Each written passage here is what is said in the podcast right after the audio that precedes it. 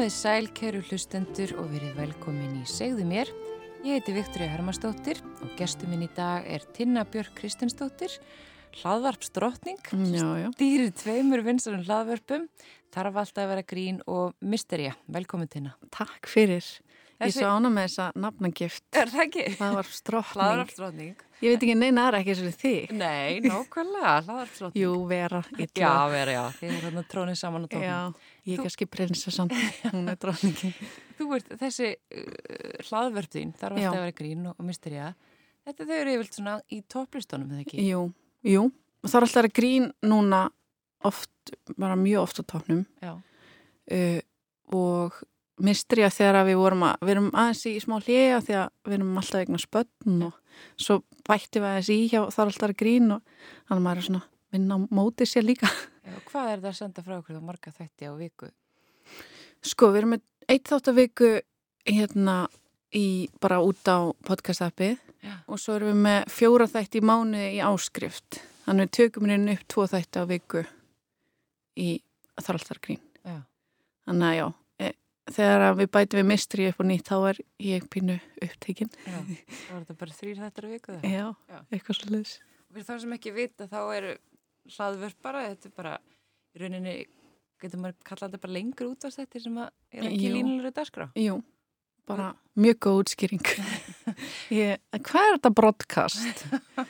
Jú, og er á netinu eða í appi eða, já, já. svona að gengi lögur á öðrum stöðum kannski og þetta er náttúrulega svolítið fyndið svona hvað, þegar margir það kannski haldið að útvarpið væri svona að verða minna sterkur miðl og -hmm. sjónvarpið sterkari og einhverjum tíum vilja eins og núna einhvern veginn eru allir einhvern veginn allir verið með hlaðverfið að hlusta hlaðverf Já, einmitt, þegar útvarpið var að deyja.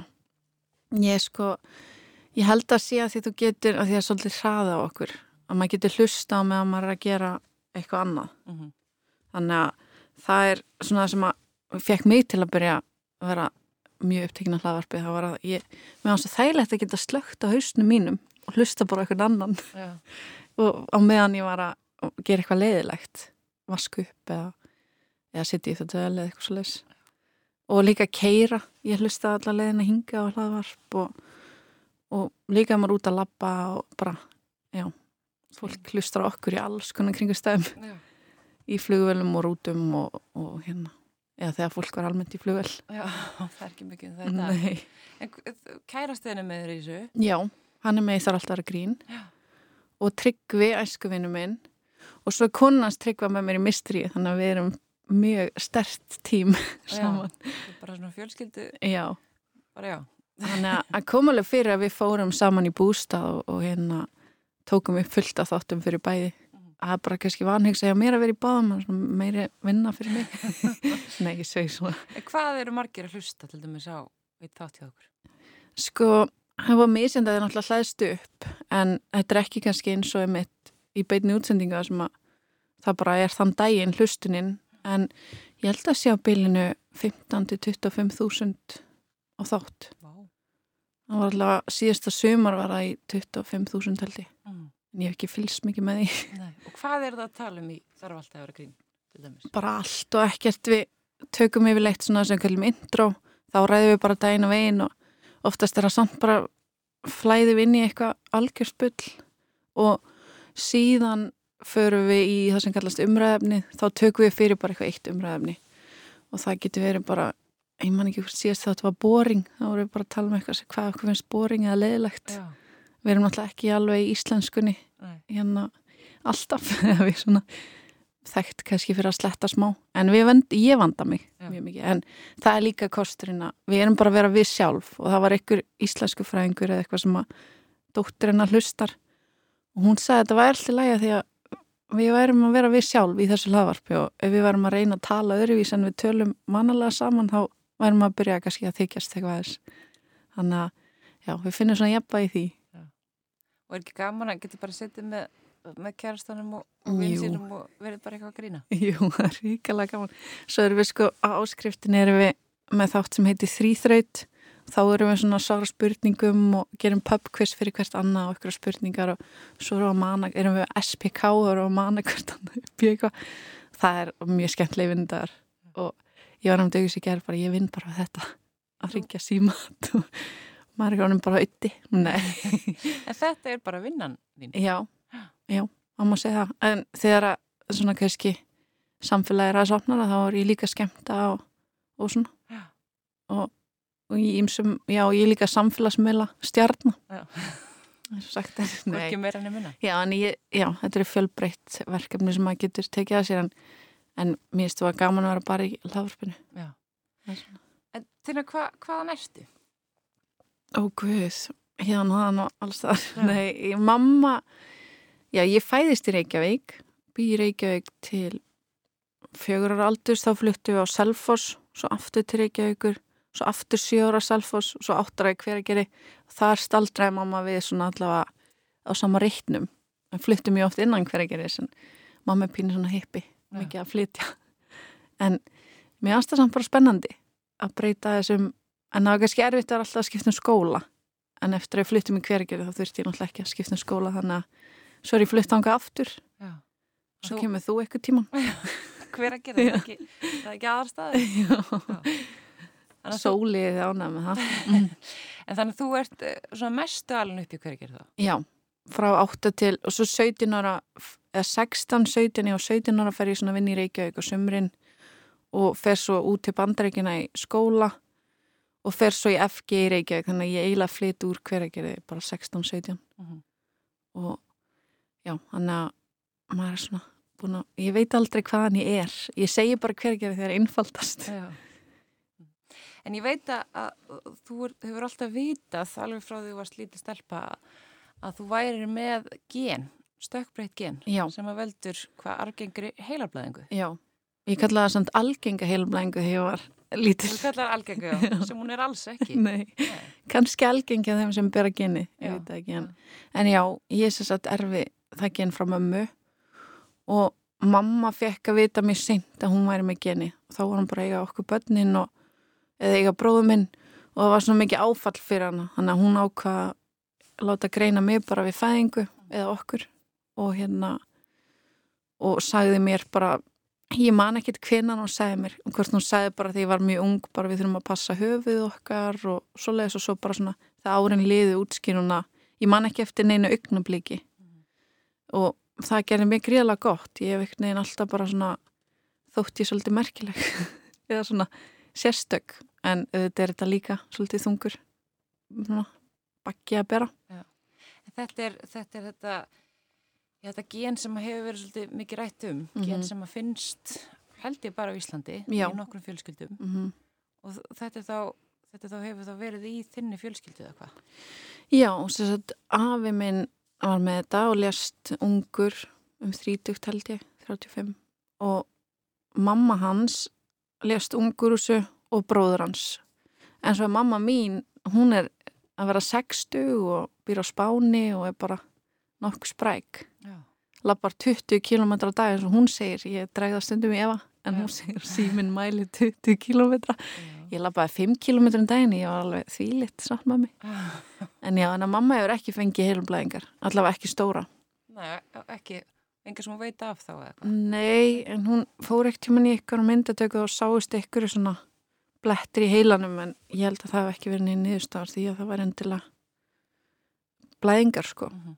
Þannig að og ég er hann 31 og þannig að ég er á svona pínu hættu tíma en það gæti verið að það er svo misjant hvað ég heyri um, ég hef náttúrulega rætt þetta svolítið við eins og þau sem er ansakit á keldum og þá tala ég um að það sé ekki þar með sagt að þá mamma sé langlífa ég verða að því að það gæti verið að hún sé með vendandi gen því það er gen sem að ég er náttúrulega ekki sérfræðingur en það er gen sem vinna saman í manni og það geti verið að gena samsetningin hennar sér þannig að það er eitt gen sem vendar gallaði geni en það geti vel verið að það sé eins í mér en svo geti líka verið að geni hafi stökkbrist í henni en mér finnst þess að þeir hafa ekki viljað gefa mikið fyrir það Þannig ég það kannski kynna mér á betur uh mhm. -huh. að hvort að en ég mín svona upplifin er eitthvað negin að að ég verði eins og mamma. Svona langlýf og það eru ykkur af fjölskyldur í Íslandi með langlýfi gen, þetta gen en verðast lifa lengur á hans að fá heilblæðingar og það er mjög forvittnilegt í rannsóknunum er, hver er munurinn? Af því að fyrir 1900 lest fólk bara, það var alltaf bara miða við maka. Og þá var lífaldurinn sami og hjá mögum hjá þeim sem að voru það genið, já. Já, að... þannig að það voru bara með meðalaldur eða þú veist sama meðal hvað kallast það, lífaldur já, og svo eftir 1900 breytist það og þá byrja fólk að deyja ungt. Þannig að það hefur verið mikið svona lagt í rannsóknir hvað veldu því. Það er margt sem bend til þess að það sé utanankomandi áhrifum. Mataræði breytist mikið á þessum tíma. Ykkur er sem tala um að sigur gæti haft áhrif mamma gefur ekki mikið fyrir það. Þá var hún lungu döið en ég hef svo sem ekkert ég, og sumir er á svona steinaldamataræði. Sem að ég, ég veit að það eru með þetta ekki. Já. þannig að það er mjög svona ég hef ekkert mikið pælt í þessu þannig. En ég var alveg að prófa bara svona matræði fyrir mig sko, að sleppa sigri og svona en, en mér lýr alveg vel á meðan að ég sé kannski að gera eitthvað. Mm -hmm. en svo var ég líka í svona li, livjathálsrannsók á landsbytalanum og þá verið að prófa liv sem að er að sína einhverja svona hjákamerki vegna þess að þetta er sko gallagen sem framlegir gallaprótein mm -hmm. og gallapróteini hlæðst upp í heilaæðunum og svona þykir þær, eða minnstu heilaðinum held ég, þykir þær og í stæði fyrir að vera sterkari þá verða þær svona stökkar og bresta á endanum. En lifið að mér skilst hjálpar að brjóta niður þetta galla prótein þannig að það er mjög hvað segir maður, promising mm. jákvægt lofa góði, Já, lofa góði. Já. en þetta, ég heyra þú, þú svona þú talar um þetta svona frekar léttvægt já, ég er svona Já, ég hef voða mikið sátt við þetta en ég þetta, hef ekki sömur einslu kannski og aðrir sem hafa mist fóreldri, ung og, og svoleiðis. En, en ég er svona kannski lítið lífið öðrum augum. Við finnst svona að við erum hér og nú í dag og, og hvað getur gert í dag til að já, bara að láta mig líða sem best. Og ég er ekkit mikið svona býða með ég er hendur ekkert mjög kvatvís heldur. Ég er ekki að lifa hratt en ég er ekkert sérstaklega mikið að eigða tíma í eitthvað sem að mér finnst ekki þess virði. Uh mhm. -huh. og ég sé kannski svolítið í kringum með að mér finnst sumt fólk upplega sér eilíft sem að vil bara já, fattar ekki að vera um hérna einu sinna á jörðinni eða allavega í þessum líkama uh mhm. -huh. og já, mér finnst þetta bara áhugavert mér finnst áhugavara rannsóknir, mér finnst þetta mjög merkilegt þetta íslenska gen en svo stundu kemur ég um mann svona hræðsla sérstaklega eftir að maður átti börn og svona og maður vill vera sem lengst með þeim og já, ég finn samt svona eins og með hlaðverfin mér finnst það mjög dýrmætt að ég sé að skilja eftir mig sjálfa mig einhvern veginn, persónleika með röttina mína mm -hmm. og, og þá getur kannski, ef ég myndi falla frá getur fólki ennþá hlusta á mig mér finnst það mjög fallegt þannig að, já, ég, ég myndi segja um, þetta hafa bara gert mér gott hinga til Já. Varst aldrei hrætt svona kannski þegar þú verður að fara að fá vita að mm. vita af þessu Jú, þú veist þetta kemur svona í kannski að maður er mjög upptekin að þessu. Ef, ef ég hef verið í ykkur fjáröflun eða eða ég viðtala með eitthvað þá svona er maður kannski mikið að spá í þessu. Þá kannski hef ég upplefað í kjölfari ég fæ mikið svima og þá svona er ég mun vissar um að eða hrættar um að það sé heila blæðing og svo leiðis en svo ekkert niður þess að milli gleymi ég mér bara. Mm. en jújú, jú, en ég myndi ekki segja að ég hafi þurft að vinna úr því á neittnhátt eða þurft eitthvað aðstof með það og það er held ég bara því að þakka ég vissið ung sko. Eða svona já, mamma þakka að hafa ég þekki ekkit annað. Og ég þetta er ekki eins og maður hafa valið sér þetta eða, eða þetta hafa allt í hennu komið eitthvað tilvílun að kenn þetta er bara ég. Og ef ég væri ekki svona þá væri ég ekki til. Og mér finnst það pínu, ég vil miklu frekar vera til og vera með þetta heldur en að hafa ekki upplegað það. Mhm. -huh. þannig að þetta er pínu heimsbyggilegt og það var ekkit mamma var ekkit beint kvött til að eiga mig sko. Og það var alveg svona pínuð að hennar sögt þrýst á hana láta greina mig í móðukvið og þá eigða mér alveg eftir sex mónað meðgöngu. En sem betur fyrir hans mömmu hún ekki í þeirri stöðu að ákveða það. Uh -huh. og ég hef alltaf sagt, ég er mér þakklátt fyrir mitt líf, alveg saman þó að verði stittra en annara, þá hef ég átt mjög gott líf og mér þakklátt fyrir að vera einn hérna á jörðinni. Þannig að, já, mér mjög skrítið einhvern veginn að það sé ekki að þess virði að lifa ef maður er ekki fullvissum að maður lifi lengi af því það getur enginn vera en það er vissilega mun meiri líkur hjá mér. Þannig að já, þetta er allt mjög svona ég er búin að pæla mikið í þessu og mér finnst gaman að pæla í þessu. Já, ég heyri það.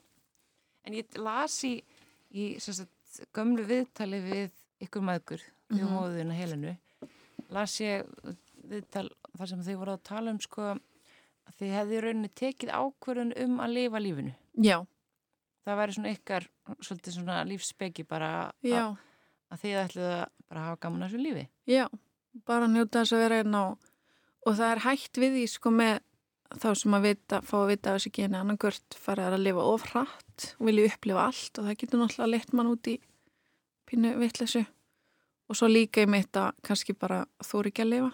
Mm. þóri ekki að fara í flugvel eða það voru svona náttúrulega mikið fleiri kenningar hér áður fyrir að ég fer alveg líkansrækt að fer í flugvel og ég er ekkert mjög, mjög upptekina ég reyndar fæði ekki börnum mín náttúrulega, ég fer í keisaraskurð og ég gæti mín á svona á miklu álægi og svoleiðis en öðru leitu já, bara reyna að lifa sem eðlusti lífi og, og bara eins og aðrir. Voru þá kenningar uppi um að, að í vissum aðstæðum þá getið það framkalla frekar Já. Elablaðingar Já, sko þegar mamma var ung þá voru svona einhverja kenningar. En það veit engin neitt og meirins að þó ég fari til heimilisleiknis þá eru yngar líkur að hann viti neitt um þetta. Mm. þannig að þeir sem var rannsækjað á sín tíma þá hafði ykkur ykkur fengi heilablaðingu í flugi. Þá var svona að hugsa er þrýstingurinn í flugi mikill? En ég get ekki svara þessum spurningum sjálf og það er náttúrulega líka þegar ég er með þetta þá kannski er, ég veit ekki hvort, er, hvort að fólk sem rannsakar þetta sé tregara til að segja mér það að viljís að því núna náttúrulega ræður maður mjög mikið sjálfur bara hvað maður gerir. Mm -hmm. en ég held að það sé ekki mikið hægt á því ég held bara þegar æðarnar eru annar bor orðna veikar þá maður, getur maður lítið ráði við það. Mm. og þánga til held ég að maður ætti bara njóta lífsins, en ég tala þetta bara fyrir mig ég get ekki sett mér í spór, kannski annara með geni. Það er líka, eins og segir eh, það er heldur ekki dvíst að þú fáir Nei. Heila blæðingu Það er nefnilega, er ekkit endilega víst ekki með mömmu. Og það eru ég man að það var eitthvað sem sagt hjá mig held ég 98% líkur en maður gæti verið einn af þessum 2% þannig að ég er ekkit að stefna það. Ég er alltaf ánæg á ammali svona en nei, ég, ég get ekki sagt að ég upplifi mig eitthvað sérstaklega döðvona eitthvað meira nara en auðvitað er þetta alltaf á bakvi eira hjá manni. Að njóta þess að vera núna og vera þakklægt fyrir það sem maður hefur og í það tíma með þeim sem skipta máli og svoleiðis og í það sem skipta máli. Þannig að það er þetta alveg draumur fyrir mig að vera að vinna við það sem er skaman og það var, ég held að það sé líka partur af því, ég var mjög svona um, skiptir mér mjög miklu máli að gera eitthvað sem ég hef gaman að dagstaglega að þú getur lært alls konar áhugavert og svo fyrst er hundlegildi í vinnunni Já. þannig að það vorti komin í svolítið erfiða stöðu Já. og vinnan manns er náttúrulega sem maður eigðir mjög miklum tími í dagstaglega Það skiptir mála þessi gaman Já. þannig að ég hef mjög þakklátt fyrir það en alla jafna vildi ég bara vera humoristi sko. og þú kannski ég veit ekki hvert að þú kannist við það maður man vill ekki vera fyndin og sorglegur á saman tíma og ég er að meina að því að hérna með manniðinn og svona, hann kannski það ekki það. En þannig já, ég hef ekkert endilega viljað ég er mjög ofinn með að tala um þetta og mér finnst þetta stór partur af mér og mér finnst áhugavert og allt í góð að tala um þetta en ég hef ekki kannski vilja hafa þetta sem eitthvað skonar mm, hvað segir maður, identity eða skilgreina mig já. sem eitthvað sjúkling. Nei, þó mig þykja ekkit að því þá bara langar mér frekar að vera að fyndin og mér langar fólk hlæja mér en ekki vorkenni mér. Nei, einmitt En það, það, það er svona þinn starfsvettfangur sem þú valið, það er húmórin já. já, og hérna já, svona helst svo er ég líka svolítið í, í hérna, mistríunum og glæpunum. Já, glæpunum komaði ég var að hugsa ef að ég langaði alveg að vera lögga en ég hugsaði, getur maður að vera lögga og grínsti á sama tíma? Geta alltaf að vera með tvö hlaðvörp á sama tíma já, sem veri mjög ólík. Einmitt.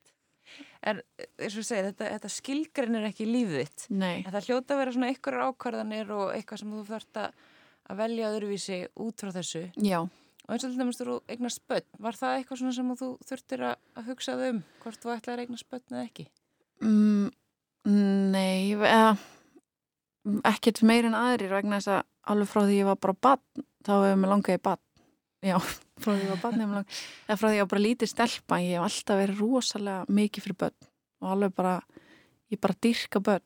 Og mér fannst þú að sorglegt að svifta mig þeirri upplifin að eignast barn, sérstaklega þegar mitt viðhorf var að ég er þakklátt fyrir að vera einna, ég er þakklátt fyrir að mamma eignast mig. Mm -hmm. og mér finnst lífið bara gjöf og mér finnst ég hafa gefið bæði börnunum mínum og þeim sem umgangast þau gjöfa að koma þeim innan heim. Þannig að en ég man að einu sinni var ég að ringja, ég var að sækjum uh, reikning, að fá lánaðan reikning fyrir hérna styrtatónleika.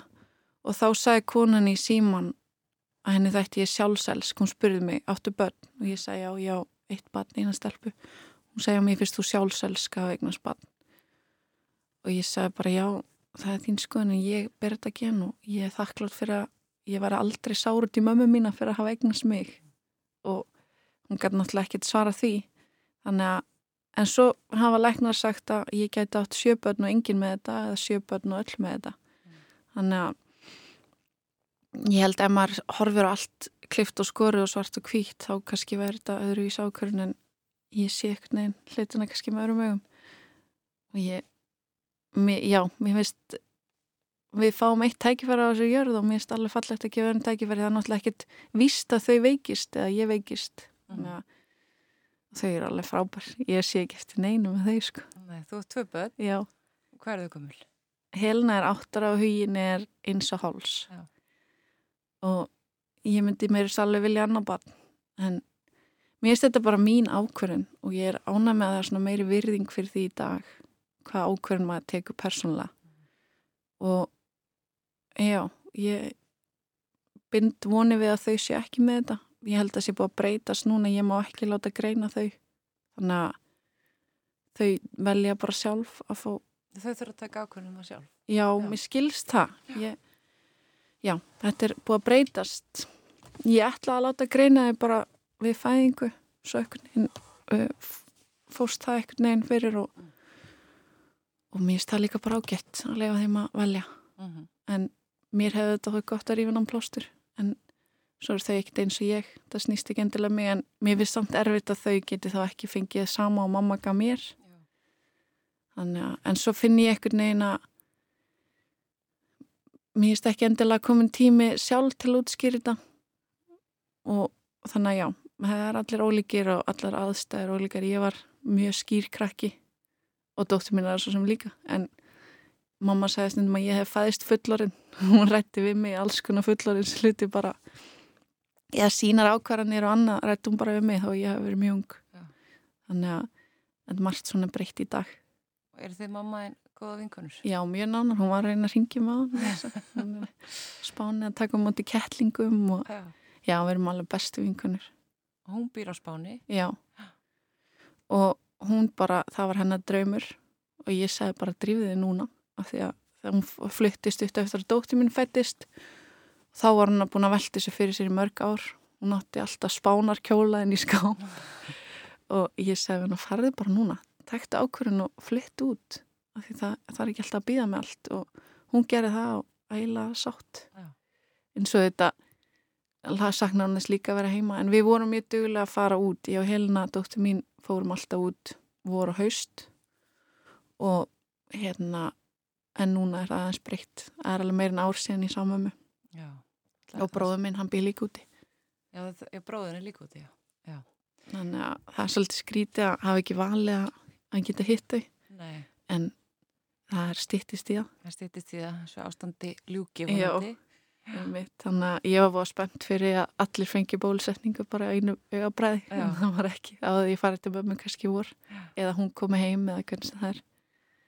En já, við tölum ekki saman og mjög nánar og það er líka það þetta er gott að ef maður er með eitthvað svona mamma mann sé líka það.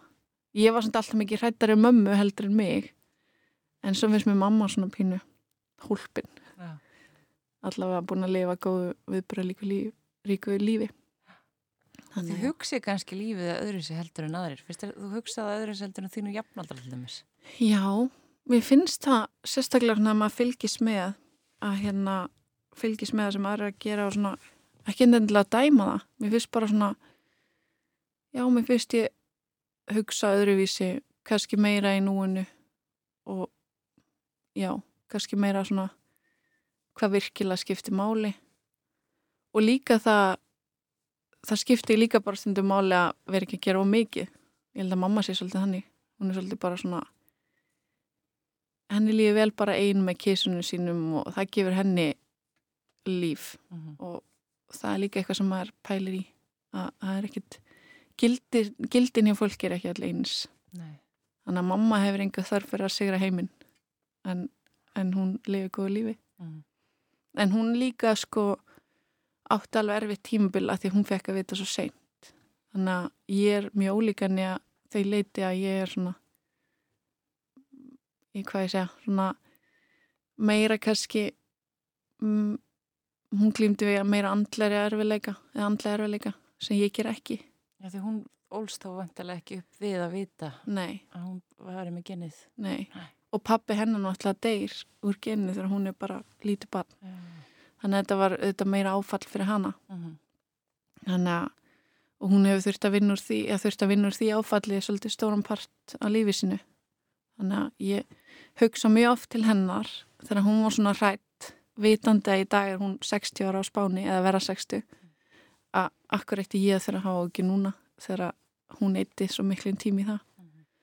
þannig að já, maður svona lærir af henni líka Þú hefur alltaf bara haft, þetta, haft þessa vitniski með þér já. á móti, já. já. Og ég mitt hef aldrei verið neina önnur og gerir mig grein fyrir að þetta er eitthvað sem að ég það geta ekkert breytt. En ég er samt bind mjög miklu að voni við vísindin, sko. Bind voni við að finnist hvað veldur í að fólk deyri umt núna. Mhm. -huh. Og já, þannig að og þetta liv og svo les, mér finnst þetta allt mjög spennandi og ég bind mikla vonið við að þetta verði ekki eins þegar börnum mín er á hann eldri að þá verði komið meiri svör mm. eða meðferð það er kannski ekki lækning en það er mjög mikla líkur að finnist meðferð mm, eða hef... mínum að ég... Þetta hefur mikið verið rannsakað Já. en svona einmitt á, á síðust árum er, læknir, íslensku læknir sem að starfar í bandaríkunum sem mm -hmm. að fann liv sem að að ræða á þann sem að sem að virkar, verðist virka á eitthvað nátt þá til þess að halda þessu Já, það er sko ég vildi vissu meira sko vísendalegt en það að því að gallaða prótini það hlæðst upp í heilaæðunum mm. En líka í húðinni. Þannig að þú veist ekki hægt að rannsaka þessa litlu heilaæðar þá er hægt að rannsaka húðina. Og það er svona er ég með mjög myndalegt bak núna allt í örum að því ég gef húðsýni. Já, ert, þú ert í að taka þátt í þessu rannsaka Já, ég tók þátt í henni en svo gekk mér, svo flytti ég og var í framkvæmdum og ég ætti að taka lífið alltaf kvöld svo mótna mm. og ég var farin að gleyma svolítið mikið þannig að ég laði svona dætt út úr ansókninni en hún var eiginlega líka búin. Ég kom það seint inn í hana þannig að það, ég var ekkert að skemma neitt en ég allavega gæti sínt fram á og ég fann ekkert fyrir að taka lífið en lífið síndi sér sagt mun á hægðuninni í húðinni uppsamna prótíninu og, og hva, hvernig prótín þessi já, þessar frumur er að mynda uh mhm. -huh. og líka mingaði minni mig að þú er samt að fá okkur sérfræðing líka í þetta en mér skilsta það hefur líka mingað gallaða prótin í húðinni hjá þeim sem að að vera að rannsaka. Ekki kannski þessar rannsóknin þetta hefur verið að skoða áður en að fara yfir í þessar rannsók að því þetta var bara að lifi að þólsrannsók hvernig við þyldum þetta lifi í svona fjórföldum skamti uh. -huh sem mjög hár skamtur en mér ástættu bara að taka séðita mín þetta var bara freyðitöflur og það varst bara, ég myndi ekki alltaf eftir þeim. Nei. en það er líka þannig að maður kannski átta sig ekki alveg. Það er ekki bein beint orsakasammingi á einhverju líðan og lefjagjöf mm -hmm. það var svona pínarvita haldið þetta um þetta ég er líka öruglega með aðtíhátti það er svona eitthvað sem ég þarf að fara í greiningu við Já. En það er, þá, það er allavega virðist, það er von Já. í þessu og, og virðist vera, það er allavega alltaf verið að, að rannsaka þetta og komast að ykkur þegar komast að meira og meira um Já. þetta gen. Já, og það er konar sem heitir Ástriði Pálsdóttir sem er eiginlega bara búin að helga lífsitt að rannsaka þetta og það er mjög gaman að tala við hana og til mikið að við tölum við hana held ég á netinu og svona mm. úr fréttum og öðru. Ymmitt. og hún mér finnst svona eins og með tímanum séu þau með meiri von fyrir því að það bara skorti svolítið fjármagn í þetta Já. þetta er náttúrulega verið held ég bara 20 eða 30 eitthvað með þetta í heiminum þannig að það gengur annað fyrir stundum í svona styrkveitingum og svoleiðis þess vegna var ég að tíambili mjög mikið hérna halda styrta tónleika og svoleiðis. Sapna fyrir rannsóknum. Já, og ég þurfti eiginlega að fara að gera það aftur. Kannski þar að má halda tónleika. Já. og væri gaman að plana eitthvað góða styrta tónleika eða einhvern viðburð. En já, eins og ég segi það er náttúrulega margt sem þarnast styrkja. Þannig að þetta lendi stundum aftala í rauninni, þannig að við höfum geta, ég held að við höfum farið með einu og halva miljón eða tvær miljónir eða eitthvað sín tíma, en það var stelpa sem að drá mig út í þetta, hún hétt Marja hún var voðalega dögleg í svona hérna fjáröflun. Og svo lest hún úr sjúkdónum fyrir nokkrum árum þreymur árum kannski. Var það ekki áfalla að Jú, sem sko hafi verið með þér í þessu? Jú, en hún var orðin veik þegar ég kynnist henni. Hún hjálpaði mér aðeins þegar ég var að ólita stelpunum minni. Og geti svona aðeins leita til hennar með bara hvert maður leitar, hvernig að því með, maður er áhættu meðganga og svo les. Þá var hún held ég búin að fá eina heila blæðingu og ég sá hana bara í fréttunum og sendi henni skilabóð. Mm.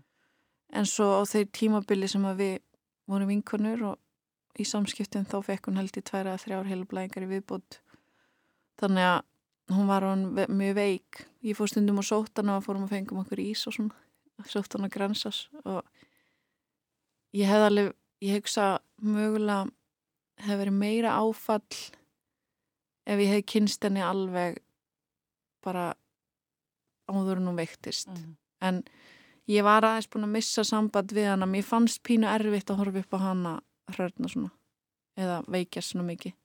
Þannig að ég svona var ekki kannski búin að vera miklu sambandi við hana þegar hún deyr. En jú, vissulega var það mjög leðilegt Mm. og, og sárt líka bara því hún er ung og átti börn og svona En þú hérna heldur áfram að, berjast fyrir þessu mm -hmm. og ert eh, alltaf svona einhvern veginn viðlóðandi þetta þó þú sé kannski ekki alltaf í hugaður. Já, já, mér finnst svona ástæða fyrir ég með þetta og þá getur maður alveg eins hjálpa Já. til og mér finnst þetta áhugavert mér finnst þetta mjög áhugavert og mér finnst áhugavert að vera eina svona fáum í heiminum og ég hugsa bara að það hlýtur að vera eitthvað ástæða fyrir því. Mm. að ég er með þetta og ekki eitthvað annar. Þannig að já, ég reynir svona að hugsa ekki minn neikvægt um þetta. Það var nú ykkur sem sagði að það væri örugglega okkur mömmu til haps. Að maður er kannski ekki búin að gefa svo mikið vægi. Nei. þannig að já ég, mér finnst allt í lagi að tala um þetta og svona en ég kannski ekkit ég finn ekki endilega ég þurfa á því að halda þurfa ykkur aðtilum þetta þetta eitthvað Nei. ég tala svo gömul kona sem ég vil enga óþara ekki vera vorkina mér ég meina ekki þannig, ég meina bara eins og vorum að tala um að ég kannski skilgreinum ekki eftir Nei, en ég fem ég valega og ég passa mig og, og þykir mér vænt um lífið Já. og er mér hraust að vera leiti þannig að ég er heppið með það Mhm. Og þið, hérna, Ingo, kærastiðin, þið Mhm. takið upp hlaðverfin bara heima, Nei, tökum við núna upp í stúdíói takið upp í stúdíu. í Já. Lámúla Já. og höfum gert í ámikla ár eða meira en fyrsta ári var það bara heima í sófa Já. og það var svona mjög gott að komast út og vera hérna fullorinn með það, vera Já. ekki bara í, í þvottinum og svo taka upp og svo aftur í þvottin og, og hérna ég var líka alltaf með litla barni mitt, stráki minn bara á bringunni í tökum mjög lengi þannig að þetta er bara mjög góðu partur á lífinu Já. en það er ekkert við getum spjallað endalaust þess vegna gerðum við þetta hlaðvarp, við spjallum stundum í tvo tíma fyrir og svo tökum við upp tvo tíma að spjalli Já. og kannski spjöllum eftir á líka þannig að þetta er, þeir eru svo frábærir Tryggvi Ingo Þeir sem vilja hlusta þetta, þeir geta fundið þetta bara inn á Já. hlaðvarpsveitum eða ekki? Jú, Bara Víða. þarf alltaf að vera grín og svo er misteri að það er tíu þættir til að því Já. það kemur vonandi á þessu ári Já. aftur Ég ætla að fara að hleypa þér aftur í, í hveragerðið. Já, ég nýti kannski borgarferðina í eitthvað Já, getur, já, ummitt. kaupstanum Áður að ferða aftur á, heimaslúðunar. Já, Tinna Björk Kristisdóttir, kæra þakki fyrir komuna í Segðu mér. takk fyrir mig